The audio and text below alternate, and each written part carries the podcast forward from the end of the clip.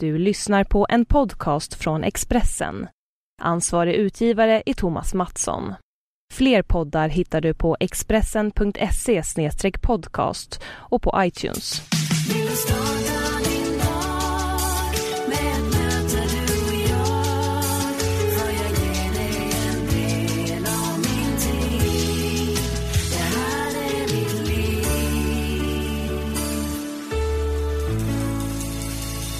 Det här är podcasten Livshjulet där jag träffar kända svenskar som delar med sig av, ja, sitt livshjul.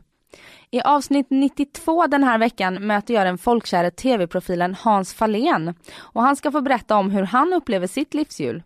Som vanligt avslutar vi med att sätta konkreta betyg på de åtta tårtbitarna som ingår. Hans Fahlén, varsågoda. Vad har du för dig just nu? Ja, eh, i, i det offentliga rummet så är det väl spårlöst då på kanal 7. Som snart ska köra igång under vårsäsongen här. Jag vet inte exakt vilket. Men det är söndagar som vanligt klockan nio. Så det har jag jobbat med under hösten här. Varit ute och rest. Var har du varit någonstans? Eh, jag har varit, nu ska vi se, det är, det är intressant, man blandar ihop det här. Var har jag varit den här vändan då? Det flyter ihop. Men eh, vi har varit i Grekland, vi har varit på Sri Lanka bland annat inför vårsäsongen här. Chile också. Och sen så håller ju du på, du har ju ett, eh, ett eget bolag.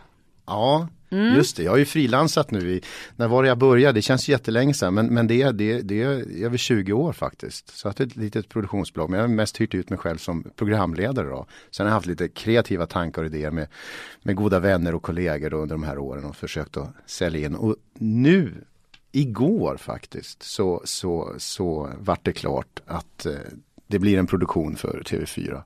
Som känns helt fantastiskt skönt. Det är så att jag skulle nästan kunna somna här nu. Det är så känns det, så skönt är det. Då, då inser man när, när, när en sån här sak faller på plats, man kommer överens, man lyckas sälja in någonting. Så inser man vilken anspänning det har varit. Kul men jobbig kreativ resa har det varit. Och det är liksom, det är inte en månad man håller på och säljer in programidé utan det här har faktiskt pågått över ett år. Så att eh, med det här resultatet så spelar det ingen roll att det tagit lång tid. Det känns jättekul och jättespännande och idag så är man så här lite, jag vet inte om euforisk, men det är så här att oh, gud, jag skulle bara lägga mig i soffan med ett skönt leende. Så känns det. Det är oerhört behagligt. Men det är du ju värd, det är ju fredag idag, du kanske får göra det i helgen. jag lovar att jag, jag, kommer göra det i helgen och sen blir det full fart för då börjar produktionen. Det är inte så att vi kan ta det lugnt utan vi kommer köra igång direkt och börja producera det här då. Och eh, under hösten så, så kommer ni få ta del av det här fantastiska projektet. Som jag tycker är fantastiskt. Och jag kan ju tyvärr inte berätta, så är det alltid. Det är lite tråkigt då att inte jag kan basunera ut exakt vad det är. För jag är egentligen som en öppen bok så jag skulle gärna vilja berätta det. Men, men eh, så funkar inte tv-världen. Man vill ligga lite grann på det och berätta allting på en och samma gång sen. Så att det blir bra dragningskraft då. Mm, såklart. Mm. Får vi se dig framför kameran? Ja, det kommer du få göra. Så att det, jag jobbar både bakom och framför med det här projektet. Och Eh, så att, eh, ja, och eh, jag kan säga så här, jag kan ge en liten bara, liten då. Eh, det, är inte, det kommer inte utspelas i Sverige. Såklart inte när du är inblandad. ja, ja, det har blivit rätt mycket utomlands genom åren. I jobbet.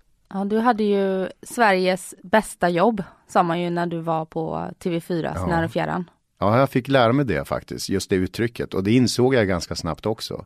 Tio år jobbade jag med Nära och fjärran. Och eh, jag tror, jag räknar efter, 200 destinationer blev det under de åren. Jättefantastiskt underbart kul jobb. Och det roligaste med det jobbet var egentligen inte, vilket många kanske tror, att få besöka så många platser. Det var en fantastisk bonus, men det, det som jag verkligen gillar med programmet, det var att jag kunde få berätta min historia. Så länge inte jag ställer mig i vägen för resmålet så var det okej. Okay. Och då kunde jag välja att vara romantisk, kåserande, ironisk, humoristisk.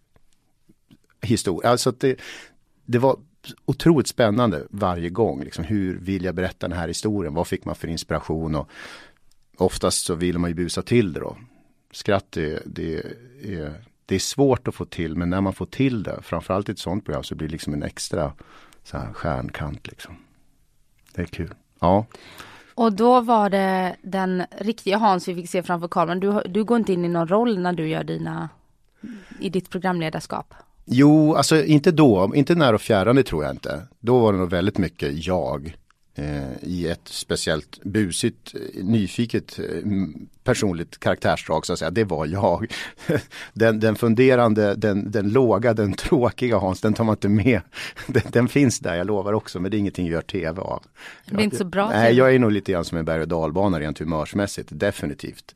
Eh, ingen karusell här inte. Så att, men, men de där dalgångarna i karusell, eller berg och dalbanan, de, de gör man inte tv av. Utan, men de där topparna och det mittemellan där, det, det var jag. Eh, men sen andra program, då spelar man ju kanske lite mera.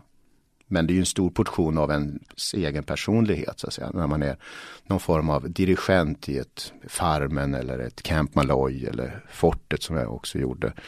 Så att man, det är ju jag som står där men då slår man på liksom en, vad ska man kalla det för? Ja, dirigent. Nu ska ni göra det här. Kom igen, har ni kul. Och vi såg ju dig i väldigt många program. Eh, du var intensivt i rutan under en period. Mm. Och nu har du inte varit så mycket i rutan. Nej, det var ju som du säger, det var ju väldigt mycket där under en period runt millenniet där och därefter. Då var det ju både resandet med När och fjärran och Fortet och Farmen och Camp Molloy i Australien. Men det är nog rätt, jag tror att det inte är helt ovanligt att jag och kollegor, en del kanske i, i rutan längre än andra och sen kommer de tillbaka och jag har haft förmånen att få vara, jag har kvar, har kvar det här jobbet och, att de har velat, för det är ju lite grann så. Eh, behövs Fahlén i den här produktionen? Behövs Fahlén i det här tidevarvet? Behöver en Fahlén? Och, och uppenbarligen så finns det utrymme fortfarande för, för min personlighet och det är jag oerhört tacksam för att jag tycker ju fortfarande att det är jätteroligt. Det är det verkligen. Och du sa att det var en väldig anspänning nu innan ni lyckades få i land det här projektet. Ja. Vad ligger anspänningen i? Är det det ekonomiska eller är det, det att du måste bevisa att Nej. du fortfarande kan eller vad ligger jag, den Jag tror att det är en, en mix av, av det du säger. Det finns sådana här undersökningar som man frågar. De, de dyker upp i, i tidningar eh, lite då och då med några års mellanrum där de har frågat äldre människor vad de ångrar. Och då är det ju oftast på första plats att de, att de, de har ju oroat sig i onödan liksom. Och, och då kan jag tänka på att jag går omkring och oroar mig. Det gör jag ju och det är en otrolig anspänning. Jag oroar mig för, har jag gjort rätt? Kommer det här falla i god jord? Kommer de vilja ha den här produktionen? Kommer jag överleva? Oj, Ekono är det så inte, inte, inte, fysiskt nu, utan mera ekonomiskt. Så man, det, liksom, det blir en ond cirkel och jag tror många kan känna igen sig i det där. Man oroar sig oerhört mycket. Jag tror ju att man bör oroa sig, men inte så mycket. Lite oro är ju någonstans en överlevnadsdrift om man får använda ett väldigt eh, tråkigt ord, men att man är lite grann på tå. Sen finns det de som till, till synes bara ligger och tar det väldigt lugnt och det är, det är lugnt, det ordnar sig och man blir så lite avundsjuk att det där låter ju rätt skönt att aldrig behöva oroa sig. Men, men som sagt, det har varit en, det har varit en anspänning och mestadels tror jag det, det, det är en kombination. Alltså inte, har jag det som fortfarande krävs? Men just det här att om det inte skulle falla in, nu, man, nu la man så, jag la så otroligt mycket krut på det här, nu kände jag att det här ska gå vägen så jag fokuserar 100% på det. Och hade det inte blivit av, då kändes det som att man hade fått börja om igen från början.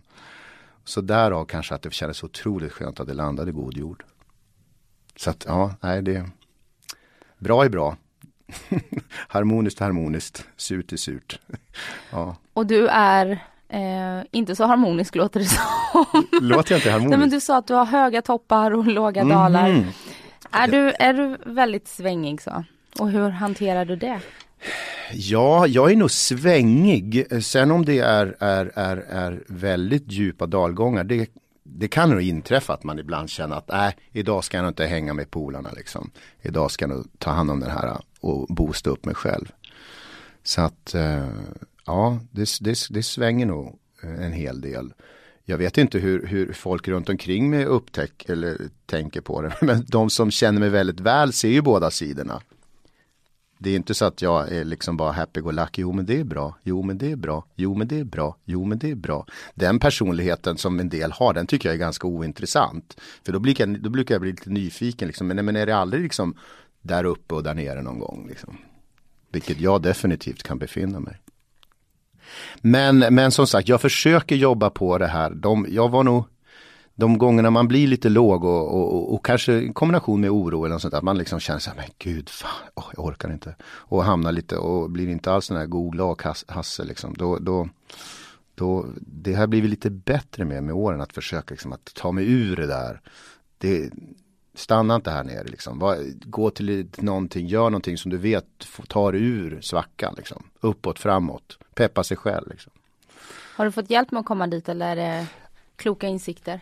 Ja, my mycket kloka insikter, det har tagit en jäkla tid också. De har ju fått hjälp av, av, av att man har pratat mycket med kompisar, man, man läser en hel del om det, man, man får information, man tar till sig, ska vi säga, hjälpande pusselbitar. Men, men eh, jag skulle nog rekommendera en gång så, så var det nog så pass illa att jag gick till på rekommendation av en väldigt god vän. Han sa att nu måste du, du, du måste få ta professionell hjälp för att vi kompisar orkar inte och vi kan inte hjälpa dig. Och det var liksom att det var, jag, jag såg inte skogen falla träden, det var verkligen så att eh, jag tog mig inte ur en svacka. Och då var det väldigt mycket oro. Det var, det var, nog, eh, det var nog strax efter att jag och Kristina hade flyttat ifrån varandra. Även om vi båda upplevde den skilsmässan så bra som, den, som en skilsmässa kan vara. Och vi var väldigt goda vänner. Men det var säkert många saker som, som bidrog till att det blev en, en jobbig period. Och sen Eh, lån och räntorna gick upp på hösten 2008 om det är någon som kommer ihåg det. och jag hade köpt alldeles för stort hus och, och det ordnade sig tänkte jag då men så var det lite tunt med jobben och sen, sen blev det lite svårt att andas. Och då gick jag till en eh, KBT. Och eh, hon eh, frågade mig, jaha, Uh, vad gör du? Vad vill du? Ja, jag vet inte, jag fattar inte ens varför jag är här. Så var det. Jag var liksom så här, men vad sjutton, jag behöver inte vara här. Men nu hade jag lyssnat på min gode väns inrådan. Så jag gick dit. Ja, och så log hon lite eh, fint leende mot mig och så sa men, men, men berätta. Och så började jag berätta. Hon skrev ner eh, svaren som jag gav på hennes frågor. Vad det var som jag tänkte oroa mig för. Okej, okay, sa hon. Så skalade hon bort 90% av det hon hade skrivit upp. Så här, det där struntar vi i nu. Så fokuserar vi på de här två sakerna. Och då var det så här. Du har precis landat i ett jobb. Ja. Du har, du har en ekonomi på ditt konto. Ja. Och som räcker till det och det datumet. Ja. Två positiva saker. Väldigt enkelt egentligen. Men jag såg inte det där. Det var någon form av total kaospanik i min hjärna. Men när hon redade upp det här och benade upp och luftade upp hela situationen som jag tyckte var så himla jobbig. Alltså när jag kom hem den kvällen, det var så här, äh, det var så skönt. Och när man börjar fundera på så var det egentligen ganska enkelt, det hon hade sagt, men jag såg det absolut inte. Så att jag tror så här att om, om man har en god vän eller om man är en person som har saker man ältar och vrider och vänder och man, man, man, man går då gärna till sina goda vänner och pratar om det här. Till slut så måste man kanske antingen som god vän säga att nej, nu, jag hör vad du säger men jag är ledsen, jag kan inte hjälpa dig. Du måste gå till någon som är bättre på det här. Och för dina vänners skull, liksom, ta inte deras tid i allt för lång utsträckning i varje fall.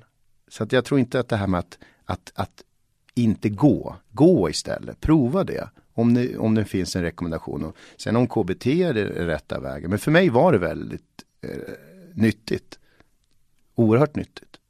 Inte bara för mig utan för mina relationer till mina goda vänner också. De stod ut med mig bättre sen efteråt. Ja, en människa som mår dåligt är ju ofta väldigt, väldigt självupptagen och krävande. Ja, du vet. Du vet det, är som ett, det är som ett Facebook-inlägg. ja, det, men det stämmer nog. Man blir lite fokuserad på sig själv. Och sen kan det ju vara lätt att man använder den absolut bästa vännen som en soptunna. Mm. Och det är ju heller inte så trivsamt, framförallt för din gode vän. Nu säger jag inte att jag gjorde det, men, men jag hoppas verkligen, i sådana fall om det var så att jag gjorde det så ber jag verkligen om ursäkt. Men jag har haft eh, nära vänner som faktiskt har, där jag har blivit en soptunna. Och eh, till slut får man ju, man står inte ut till slut. Även fast man älskar den här personen, men det funkar inte. Är du bra på att sätta ner foten då? Jag hoppas att jag är det.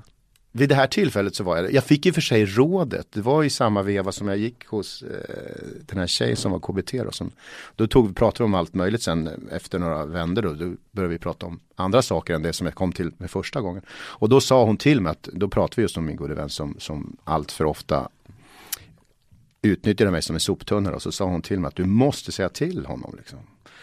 Och eh, det gjorde jag och hans sköna svar var, ja, jag, jag, förstår precis, jag vet, jag vet, förlåt mig, jag älskar dig. Så det, det var hans ursäkt att jag, jag, tycker om det, du är den enda jag, kan, jag känner att jag kan gå till, jag ber verkligen om ursäkt.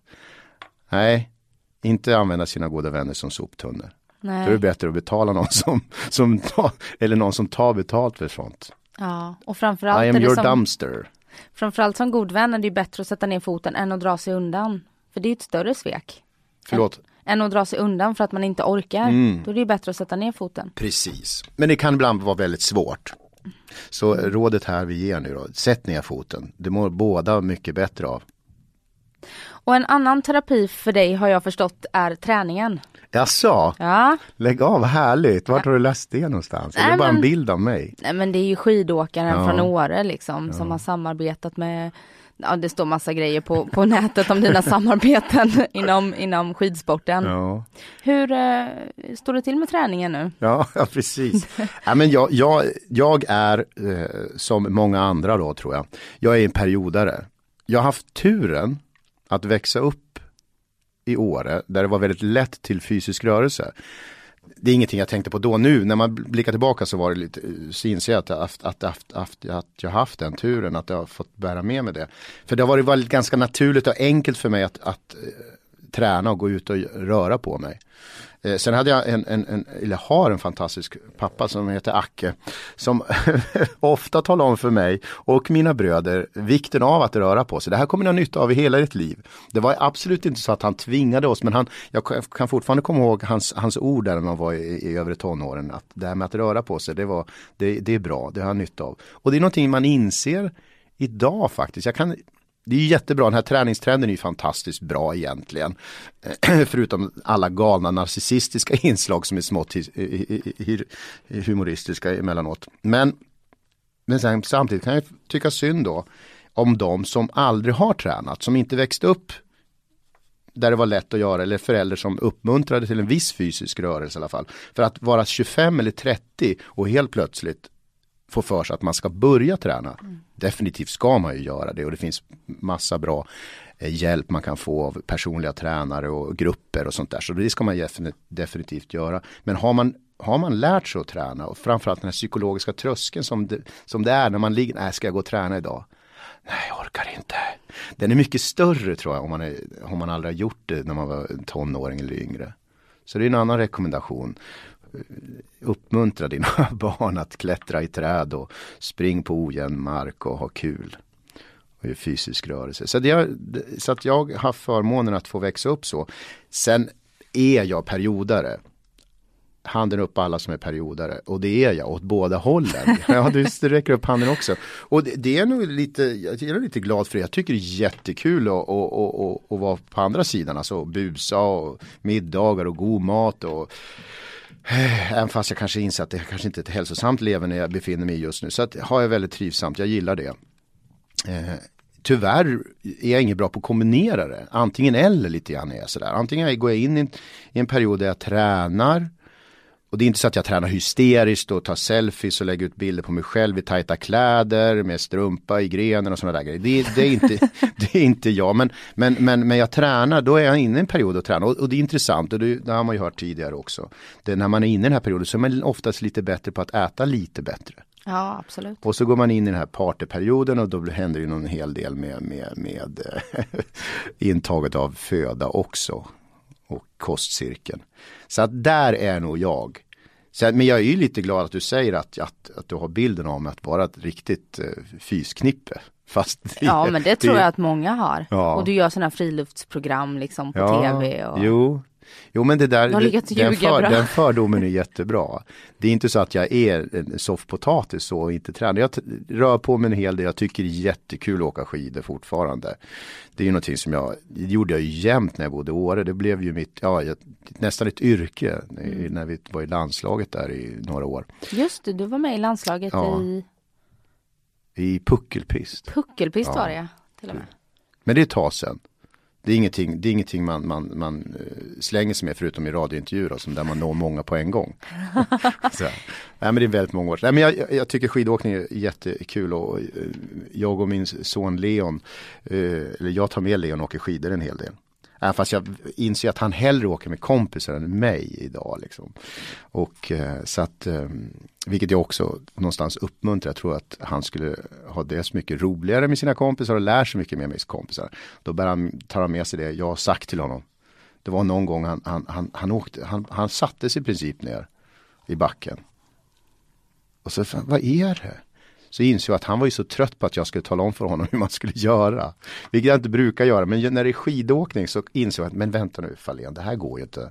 Jädrar vad jag tjatar. Böj på knäna fram med armarna. Tyngden Ja, mot ja du vet. så att han- dalskidan mot, eller ja. vad säger man? Nej men så att eh, periodare sammanfattar vi eh, den frågan med. Och vilken period är du inne i nu? Just nu är jag nog inne i den eh, eh, lite mer hälsosamma. Lite säger jag för att jag liksom återigen, jag toktränar inte. Men, men eh, springer gärna. Vilket jag vet många inte alls tycker är kul. Det är Men särskilt jättetråkigt. inte i det här vädret. Ja, jag vet inte. Det jag gillar med att springa det är nog mer att jag, jag, jag det är som att lyssna på musik, även fast jag inte lyssnar på musik när jag springer. Men det blir någon kreativ eh, stämning i min lilla hjärna. Sen är inte alltid de här kreativa idéerna som jag fick när jag var ute och sprang så jädra bra när, när pulsen har lagt sig. Men, men, men det är inte, ja, jag gillar att springa. Det tycker jag är rätt trivsamt. Och sen ibland så brukar jag gå på där det finns vikter och sånt där. Eh, Och, och, och, och. Men det blir mer, mer det här att försöka sträcka på ryggen. Sträcka på kroppen. Vad heter det? Bålen. Bålmuskulatur. Stärka upp Ja, kåren. man, börjar, Mm. är, man blir ju kortare med åren. Då inser man att man kanske måste träna lite grann där. Bli lite längre. Ja, du eh, fyller 51 här Ja men ja. två dagar efter det här avsnittet sänds. Jaha. Mm. Första februari. Ja. Hur ska du fira? Eh, jag brukar fråga min son faktiskt. För det, det brukar, men för två år sedan, när jag fyllde 49 så frågade, frågade Lena, vad, vad ska vi göra? Vad då får jag bestämma? Ja, för jag är inte så mycket för det här med att eh, fira och kalas och sånt där. Till skillnad från många andra. Eh, jag gör det väldigt stilla och eh, ja, så. Så att vi, vi var och kollade på bio och, och gick på hans favoritkrog i stan. Så, så firade vi då. Sen när jag fyllde 50 då fick han bestämma. Då blev han ju överlycklig. Då visste han ju, förstod han att han kunde ta i. Så då, då åkte han och jag till Dubai. Lite lyxresa sådär. Men vi, det är ju det, det är inte, det är inte jättegratis där. Men, men då, lite restips då. För att, och det gick rätt knasiga flygtider till Dubai. Man landar ju jätte, jätte, jätte, jätte, jätte tidigt på morgonen och flyger hem så här typ ett på natten. Men då får man lite två extra dagar. ja. Två extra fulla dagar. Så då vi bokade tre hotellnätter på det hotell som Leon tyckte vi skulle bo på. Och jag sa ja till det också då. Och sen fick vi i alla fall fem hela dagar. Så det, då, det blir inte så himla dyrt för de fem dagarna. Nej. Ett litet restips här ifrån eten. Jag är faktiskt i Dubai just nu när lyssnarna hör i Dubai, för jag åker om Jaha, tio det här, dagar. för det här är bandat. Ja. Ja, Ja men Dubai, eh, det är ju många som har varit där nu och, och många som har synpunkter. Jag, jag brukar säga att Dubai är som ett, eh, det är ett eh, Walt Disney för, för, för vuxna. Så får man dra den tolkningen vad det innebär. Jag var där 1992. Då fanns det inte ett Det var hotell. lite annorlunda. Ja, det var helt annorlunda. Det var väldigt annorlunda. Så att, ja. Kul för dig. Mm. Att du är i Dubai just nu när vi pratar. jag har det jätteskönt här på stranden. Mm. Men du bor annars i Sollentuna?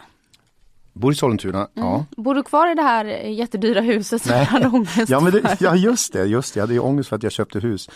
Sen när vi, när vi flyttade isär. Ja men då, då var det så här, jag köpte, Ah, jag köpte flera grejer. Jag köpte till och med, jag tror att jag köpte, jag köpte en bostadsrätt och skrev på kontrakt. Och sen två dagar senare, det var inte färdigbyggt än, så funkar jag. Det var så här, nu, pang på, snabba beslut. bostadsrätt, inte färdigbyggd, eh, teckna mig för den, in med handpenning. Två dagar senare så ser jag ett litet hus i samma område, köper det.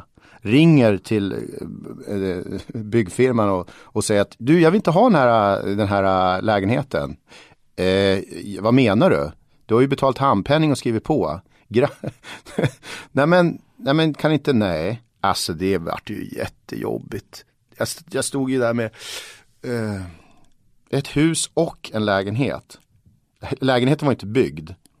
Men en, en lång jobbig process löste sig faktiskt. Att jag, jag, jag, lyckades bli av med lägenheten. Annars hade jag inte suttit här antagligen. Då hade jag suttit på någon, någon ö någonstans antagligen fortfarande. Det löste sig.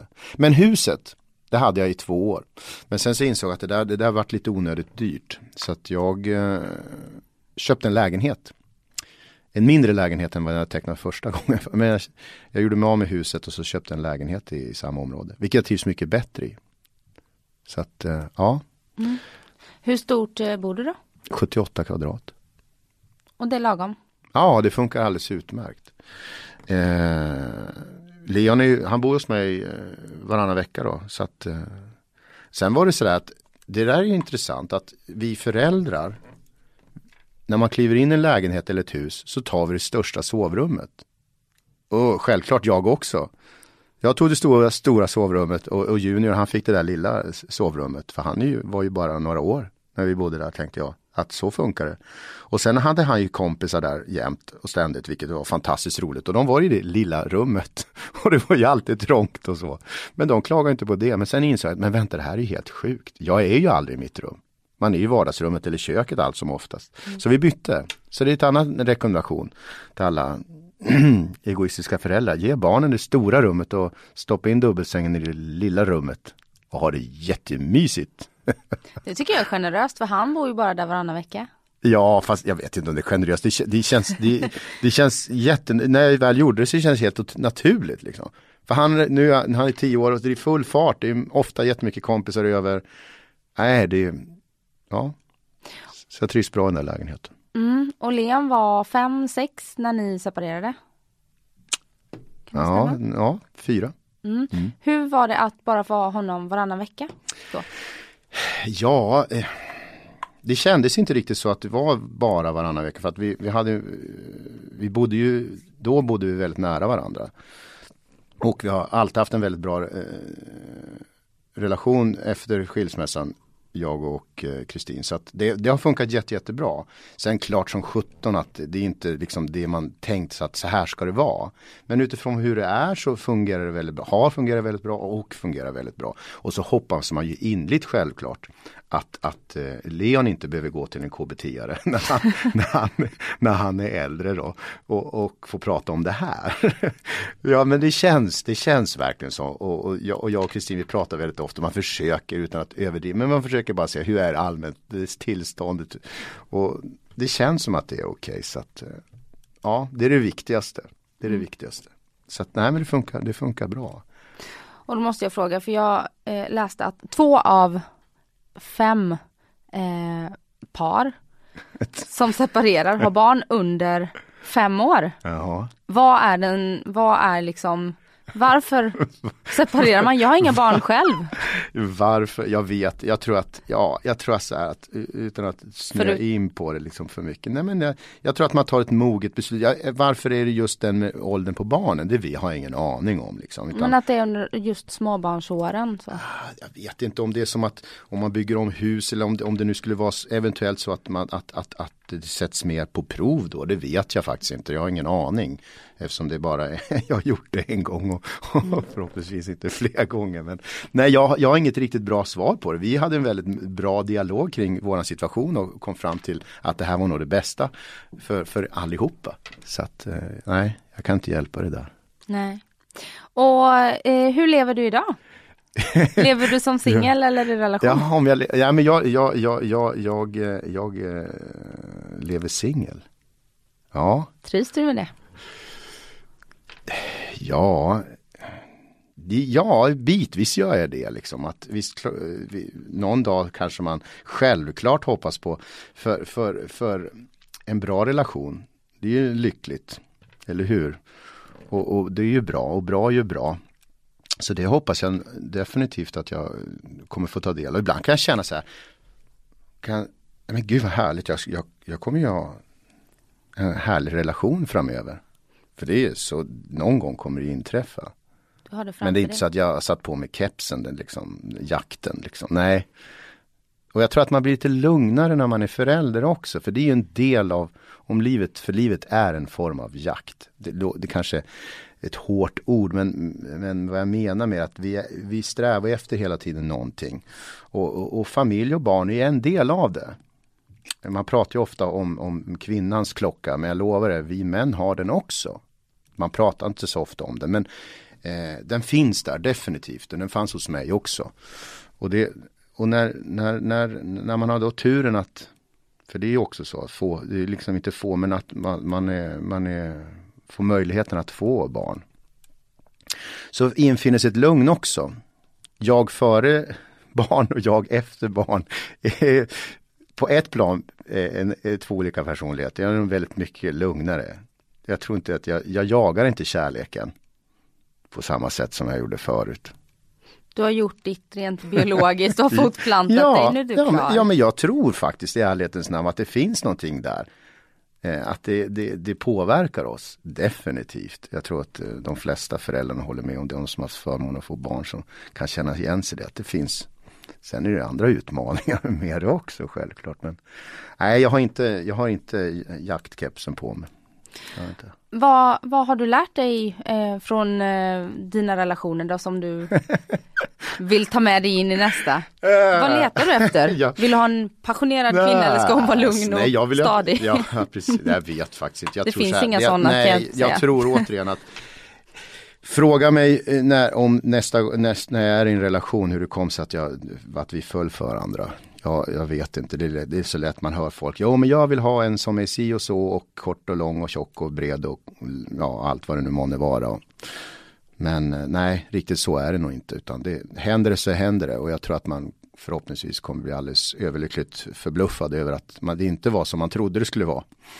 Det viktiga är väl att man, man eh, sänker garden och ja, tar emot det när det väl inträffar. Mm. Faktiskt. Det finns ju många, nu kommer många känna igen sig, som går från förhållande till förhållande till förhållande till förhållande. Och jag bara säger det, om du träffar en kille eller om du träffar en tjej som går från förhållande till från förhållande till förhållande. Passa er väldigt noga. För jag tror det här, det är en Faléns sanning. Men, men, men snubbar eller tjej som kliver, som, jag kan ta killar då till exempel eftersom jag då lättare kan relatera till mina killbekanta då. Det finns ju några som, som eller man pratar om det, men som går från förhållande till förhållande. Man gör alltså inte slut, man ser till att det blir slut. Man skarvar. Mm. Man skaffar en ny tjej helt enkelt. Eller om det är tjejen som skaffar sig en ny kille. Och så ser man till att, att förhållandet bryts upp. Och så undrar man så här, hur länge kommer det här förhållandet läcka då? Ja, tills man träffar nästa kille eller tills man träffar nästa tjej. Jag tror att man behöver man behöver vara själv ett tag i sitt vuxna liv och lära känna sig själv. du trivs med att vara själv? Ja, alltså jag har inga större problem med det. Men å andra sidan återigen, jag har absolut ingenting emot och, och, och blir det, faller det sig rätt så är det ju fantastiskt liksom. För det är, det är ju någonting som är bra då. Mm. Jag måste fråga, vi pratade om din son Leon. Hur är du som pappa? Helt underbar. Det är så? Nej, jag, jag kanske ska fråga honom Ja, jag det. tror faktiskt att vi får fråga honom. Nej men eh, jag har haft förmånen i alla fall med mitt jobb eftersom man frilansar och eh, kan planera sin egen tid ganska mycket. Så jag har haft förmånen att få vara där mycket. Sen vet ju inte jag någonting annat om att inte, det finns ju kompisar och de som, som jobbar jättemycket och kanske missat perioder i, i sina barns liv och sånt där. Om det är tidiga morgnar eller till jobbet eller sent hem på kvällen. Så har jag haft förmånen att, att alltid kunna vara där mer eller mindre. Så det är jag ju väldigt glad för själv. Sen om det innebär att jag är, har varit en fantastisk pappa under de här åren. Men jag, jag hoppas det. Jag hoppas verkligen det. Du får, ringa, du får ringa honom och fråga. Då skulle han säga att, att, att, att han skulle antagligen säga med ett stort leende, knasig skulle han antagligen säga. Mm. Lite småknasig, vilket jag nog är. Men, men, men, men jag kan också vara lite inspirerande när det gäller vad som är rätt och fel också förhoppningsvis. Och eh, Kristin är en fantastisk mamma så att jag tror Leon har, ja men han, ja, Grattis Leon! Eller jag säger grattis till mig och Kristin. Ja, han, är, han är härlig. Mm. Mm. Och just i livshjulet då som vi håller på att prata om här nu ja. så vill man ju hitta balansen. Upplever du att du har balans i ditt livshjul just nu? Ja, men just idag är det näst, känns det ju så, nästintill faktiskt. Med tanke på att det vi pratade mm. om tidigare, just nu känns det rätt bra för att jag, det här med, med jobbet, jobbet är ju en stor del av livet, det påverkar otroligt mycket. Och just nu så känns det bra när man, liksom, man har ett projekt på gång. Och, så att, ja, men, harmoni, vad är meningen med livet? Harmoni brukar jag säga då när jag var yngre och säger nog fortfarande. Att uppnå harmoni vad det är. Men det är liksom, ja, just idag så känns det, just nu, harmoni. Om det är meningen med livet så skulle jag säga att det är livets svåraste uppgift att uppnå harmoni. Ja, så, ja, vad är meningen med livet? Det är väl just att kanske söka svaret med vad meningen med livet är. Eller så kan man gå ett steg längre och fråga finns det någon mening med livet? Men det är en helt annan podcast. det, det kändes väldigt, det är klart som sjutton att det finns en mening. Sen kan man ju vrida och vända det till olika rubriker på det. Nej, men... Jag släpper den filosofiska tanken. Mm. Och så tänker jag att vi går vidare till de här eh, åtta tårtbitarna som livshjulet består av. Som jag skulle vilja att du sätter konkret betyg på hur de känns just nu, här idag. För de kan se väldigt annorlunda ut. Förra veckan såg de kanske lite annorlunda ut. Ja, igår såg de annorlunda ut. Ja. Innan jag ens vet vad du tänkte att fråga om. Ja. Men om vi börjar med eh, kärleken i ditt liv. Vad skulle du sätta? Ett är sämst och tio är bäst. Då säger jag sju. Mm. Och varför då? Tio, då hade, det då, hade jag, då hade jag antagligen varit helt fantastiskt underbart kär i en person till utöver Leon då. Alltså att ingen relation antagligen. Men det, det är, jag har goda vänner. Jag har framförallt då Leon först och främst och sen har jag väldigt goda vänner och jag har haft dem väldigt länge vilket jag är väldigt glad för. Eh, och förhoppningsvis kommer de alltid finnas runt omkring mig. Man brukar väl säga det att, att eh, det finns väl någon, någon, filosof som har sagt, säkert många med, med den filosofen, att, att uppnå lycka, för att kunna göra det så behöver man två saker. Man behöver jobb och kärlek. Och jobb kan man väl översätta till sysselsättning eller till att, någonting att göra som man tycker är kul. Mm. Och kärlek kan man ju också byta ut mot vänskap, det kan ju vara vänner också. Så att jag har sysselsättning, jag har fantastiska vänner och framförallt så har jag Leon. Så det skulle kunna bli en tia utav det där egentligen då. Men vi säger en sjua då. Mm. Ja, stark sån. Stark sjua. Mm. Och vi har redan varit inne på tårtbit nummer två, det är familj och vänner. Ja, det var det. Mm. Ja, men då har vi, då, då, då har vi fått ihop det då. Mm, och familjen, är det en sjua där också skulle vi ja, säga? familjen, då? nej familjen är en tia. Mm. Får det vara det? Ja. ja. Ja, det är en tia. Jag hade Louise Hofsten här förra veckan. Hon satte rekord i tio tror jag. Jaha, ja men det, ja, men det är jag bra. Jag tog henne en bra ja, dag. Ja. Ja men du har tagit mig en bra dag också. Mm. Men familj hade nog sagt, det säger nog tio även fast jag har en dag, dag när jag mår dåligt.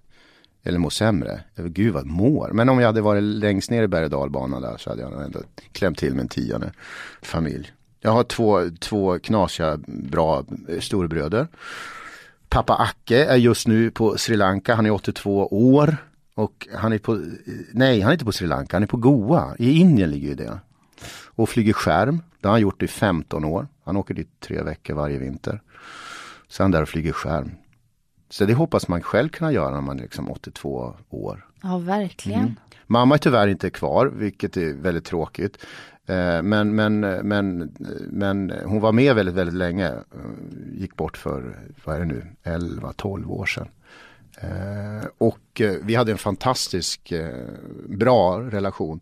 Framförallt de sista åren när man själv blev lite äldre. När vi var tonåren så hade hon det rätt tufft. Kan du tänka dig tre snubbar helt vilda i huvudet i Åre och hon var ju då ensamstående. De skilde sig den vevan när vi var i tonåren, mamma och pappa. Så hon hade det inte riktigt lätt om man tittar tillbaka. Men sen tror jag att vi, vi, vi fann varandra i harmoni sen de sista 15-20 åren, 15 åren där.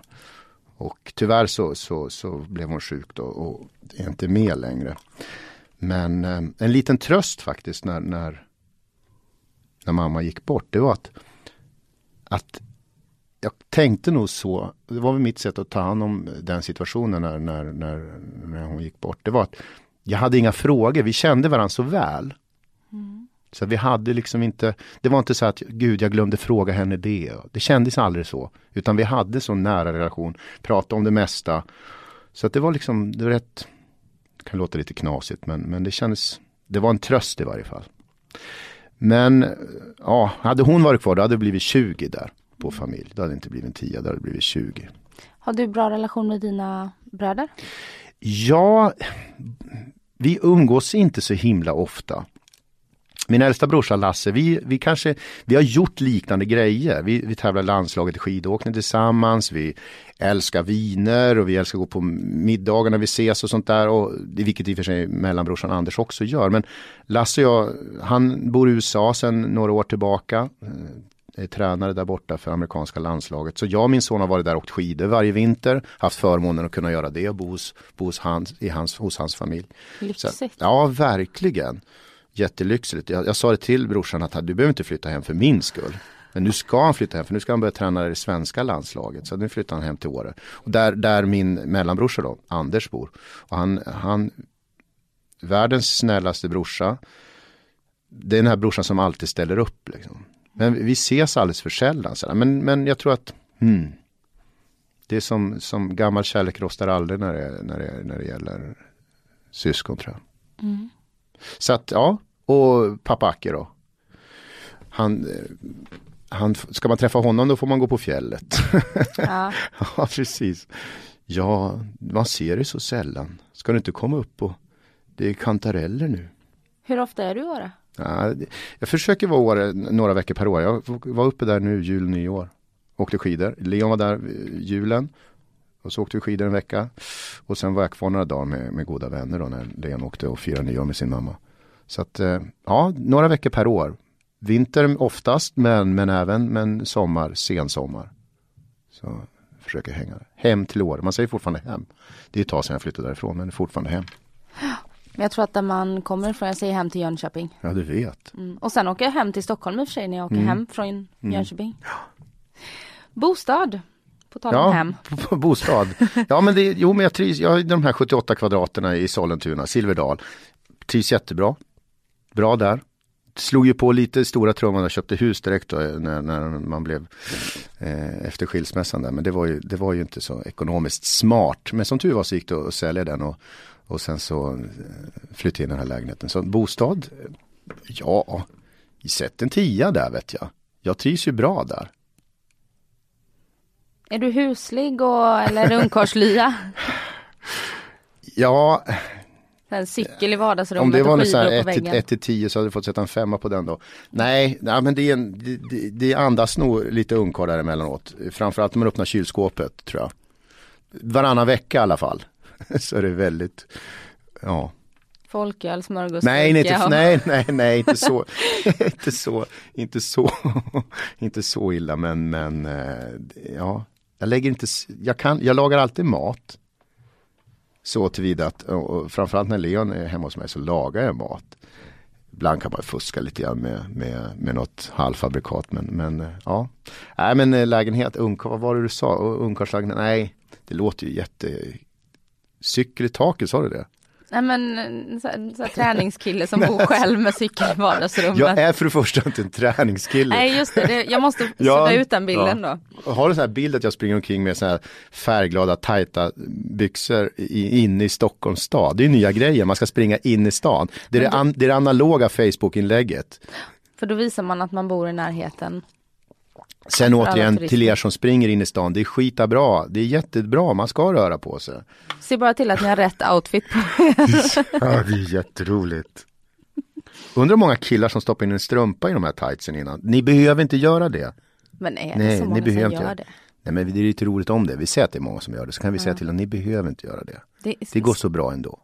Storleken har ingen betydelse ja. ja. Ut och spring. Ja. Jobb och karriär. Just idag är det ju en tia. Ja, det är klart det. Fan, vi kommer tillbaka till det där.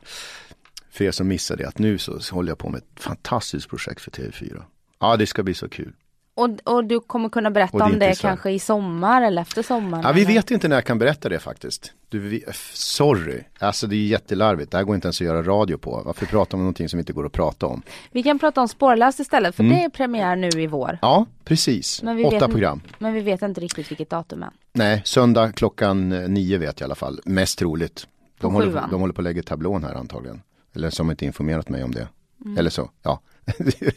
ja, precis på sjuan. Mm. mm. Kalas. Ekonomi. Ekonomi. Ah, just, ja men, men just nu så är det, det är ju en berg och dalbana det som frilansare. Ibland, eh, och det är inte så att jag, jag, jag, jag, jag lever ett rikt liv. Utan att vara så här kvasifilosofisk, poetisk här nu liksom. Facebook, mitt liv är så jävla lovely. Du märker att jag ofta kommer tillbaka på Facebook. Ja, jag tänkte ja, precis jag säga det. är du på det. Facebook Hur, mycket? Nej, alltså jag finns ju där om man, om man nu så man vill följa mitt fab life med alla mina selfies. Så kan man gå in och kolla på det. Nej men jag gör det, jag tror jag lägger, det är periodvis lägger ut bilder där och då är det på, när jag är ute på jobb. Någon gång kanske när jag varit hemma i Åre så har jag lagt ut någon så här. Åh, My life is so great in the mountains. Har du Instagram också? Jag har Instagram också. I'm så uppkopplad. Vad bra. Ska vi lägga ut en Instagram-bild på dig och mig här tycker ja, jag. Nu när du är på ja, jobb. Ja, ekonomi. Ja men, eh, jo men ett, ett, ett, ett rikt liv. Sen, sen rena kronor och ören och sånt där. Det går väldigt upp och ner. Och då anpassar man sig lite grann. Är du bra på att göra det? Jag tycker nog att, eh, att jag har lärt mig det. Pappa skulle inte hålla med om det. Men han, han, är ju, han är ju... Men jag har lärt mig en hel del av mina föräldrar. De, de har nog eh, lärt mig att man, man, kan, man behöver inte alltid. Man behöver inte. Vad lägger du dina pengar på då? Eh, jag tror nog att jag, förutom det här nödvändiga, liksom att man betalar eh, lån och, och, hyra och sådär där. Eh, tanka upp bilen. Men så, det är nog vänner, jag tror det. Vänner och Leon, alltså vad jag menar med vänner då att man går på krogen, att man äter middagar, tycker jag är jättetrivsamt. Eh, sen om det är hemma, men oftast blir det faktiskt, hemma blir nästan aldrig slår mig. Gud jag måste bli bättre på det då. Eller inte. Men jag äter nog, jag går nog ut på, på restaurang. Så där, där med, med goda vänners så där läggs nog det slösa, om man nu ska kalla det för det. The old fashion way, slösa. Eh, Investera i välmåendet. Ja, investera, ja så det är bra, bra där, bra där. Men annars så, nej men inte, inte, inte inga dyra attribut och så. Ha, tror jag inte. Nej. Eh, och ekonomi, vad fick du för betyg? Jaha, det skulle betyg, ja. Mm. För formaliteten? Själsligt en tia, eh, kronor och ören en, en, en, en, en sex och en halva. Mm. Fritid? Alltså den tiden Fritid, jag har jobbar. fantastiskt mycket fritid. Ibland nästan för mycket skulle det kännas det som. Eftersom man jobbar väldigt intensivt i vissa perioder. Mm. Och sen är man inte inne i en programproduktion och då kan det vara lite luftigt. Och då inte jag, har inte jag den här äh, entreprenörskombinationen, någon bokstavskombination som antagligen heter entreprenör. Jag önskar ibland att jag hade den för att jag, bah, jag gör ingenting då. Kan du koppla av av din fritid mellan produktionen ja, du vet att du inte har något framför dig? Nej, det där är ju, det där är ju en ekvation också som frilansare. Det är att, att, att man ibland kanske inte kan njuta de här lediga dagarna. Blivit bättre på det. Om jag inte gör någonting åt det, slappna av och njut av din lediga dag. Liksom. För ibland blir det så. Och, och, och då oftast är ju inte Goda vänner är ju inte, de jobbar ju ofta, vad heter det, måndag heter det va? Måndag till fredag. måndag till fredag. Och jag kanske då ledig en, en fem vardagar. Då, då är man där själv. Liksom. Så att, eh, mm, hmm, blivit bättre på det. Jag, och sen önskar jag som sagt att jag kanske, eller så skitsamma, jag är ju inte entreprenör på det sättet. Alltså, eller? Nej, jag, jag kan, jag, en fantastisk ja, jag vet, ja, det, det, ja, jag vet att jag har sålt in en, en men, men, eh, mm, men, men eh, vissa goda vänner som är entreprenörer, de jobbar ju jämt alltså. De jobbar ju, det är bara att ticka på. Och Men sån är, är, sån är, är det för att, att vara entreprenör, är det att man måste Nej, ha ADHD och Nej. bara springa som eh, liksom Nej, varför, en idiot? Nej, varför sa jag så för? för det kan ju vara att man är kreativ ja. och ror i land i det fast man gör det i ett lugnare tempo. Du, du har helt rätt. Det är jag som felaktigt som då känner att ja, entreprenörer är de som bara jobbar, jobbar, jobbar, jobbar. Det är, de, det är liksom ja, bokstavskombinationen. Men det är ju bilden man har av dem. Så att eh, jag ber om ursäkt.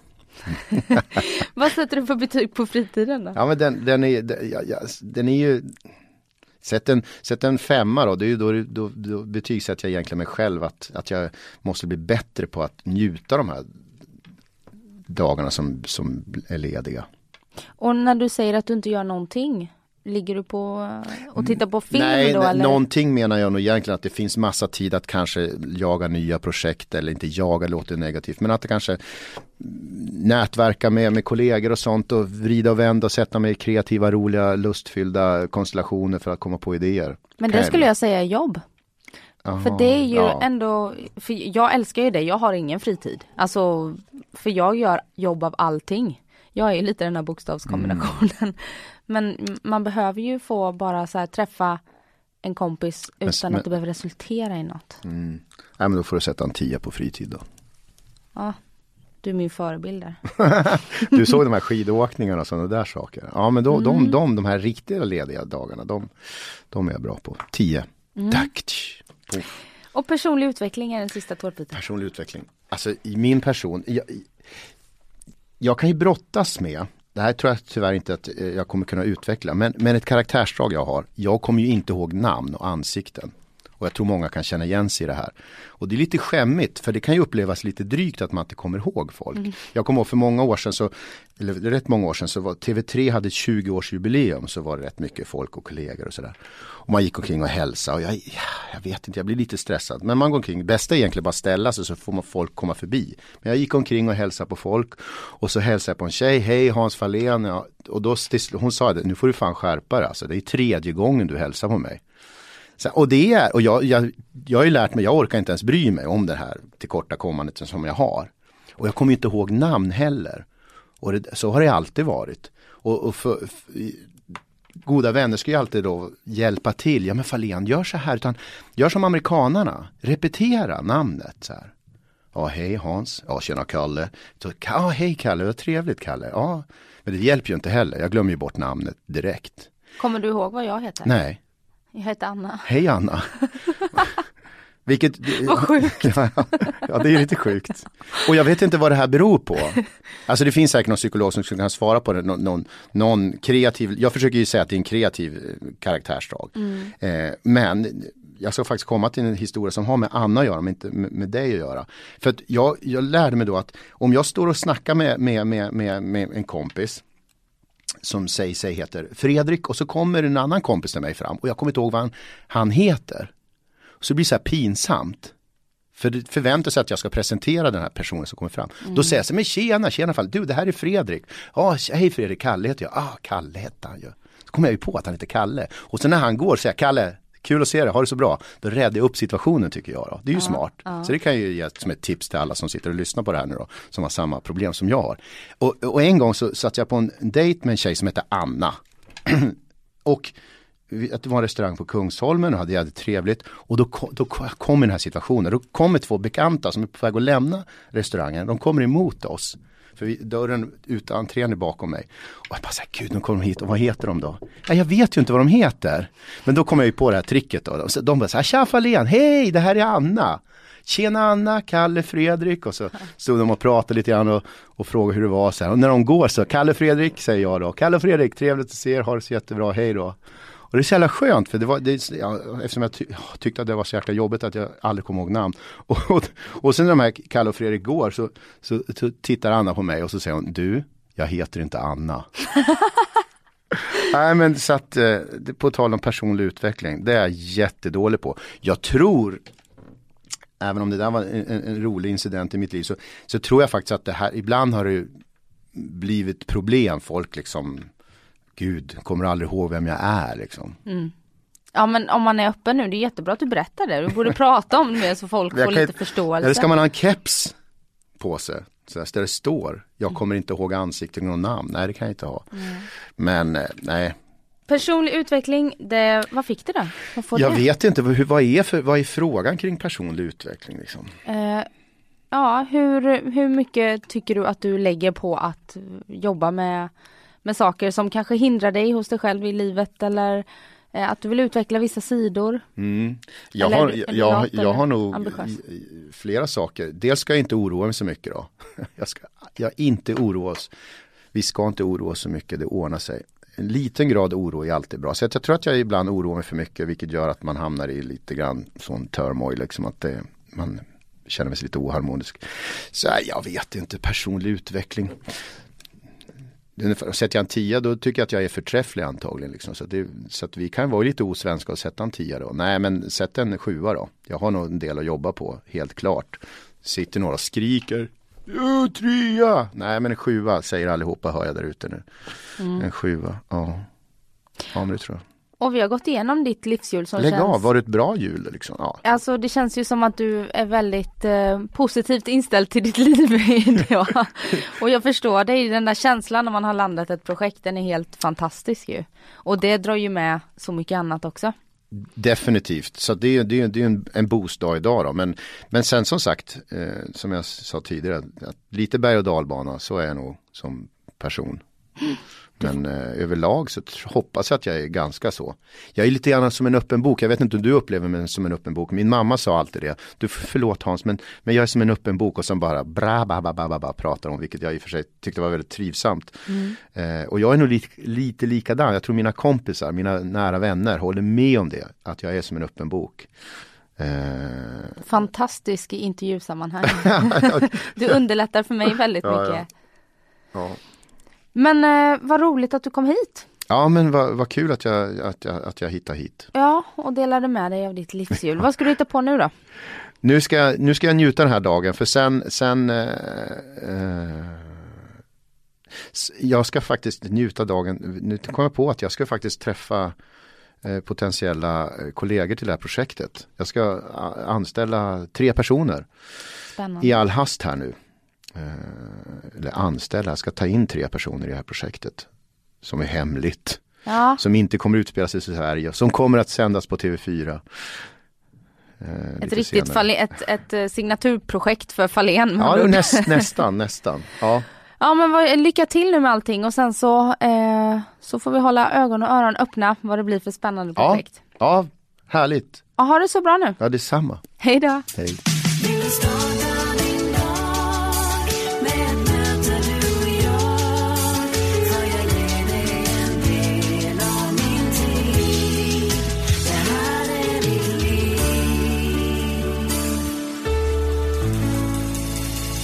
Du har lyssnat på en podcast från Expressen. Ansvarig utgivare är Thomas Mattsson. Fler poddar hittar du på expressen.se podcast och på iTunes. Ah, dåliga vibrationer är att skära av sig tummen i köket. Ja! Bra vibrationer är att du har en tumme till och kan scrolla vidare. Få bra vibrationer med Vimla. Mobiloperatören med Sveriges nöjdaste kunder enligt SKI.